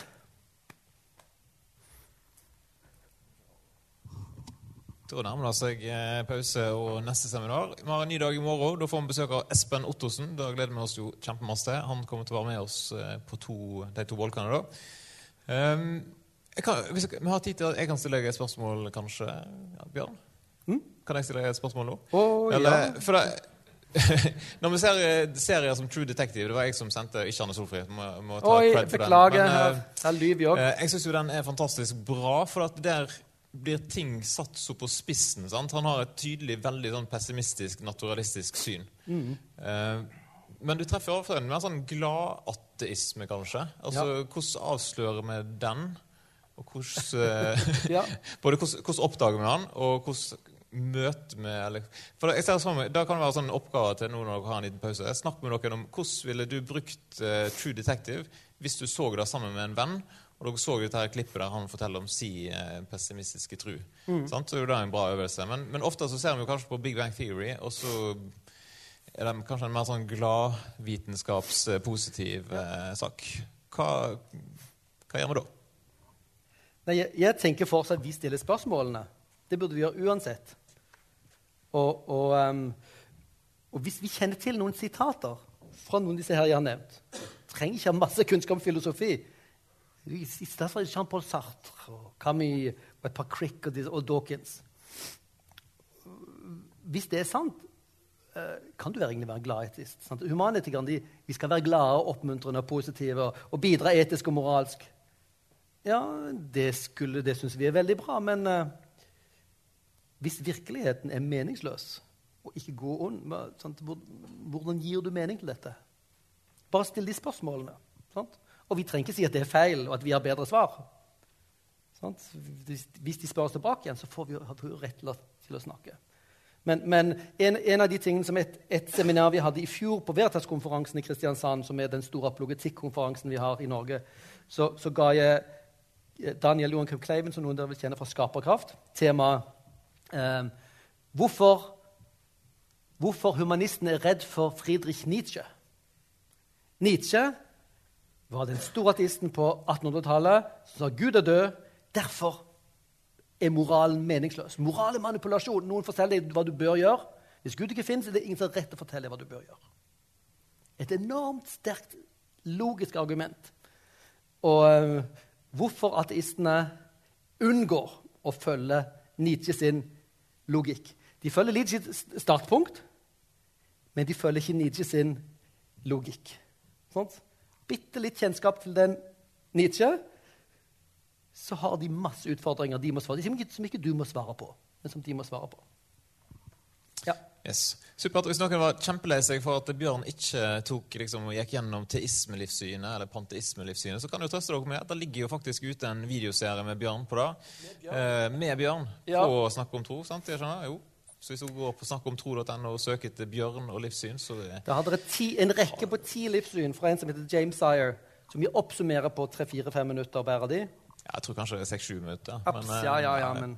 Det føltes som tre minutter for deg. Tids, ja, akkurat. Ja, så det er jo sant, Hvis dere vil ha mer, så er det der. Og yes, supert.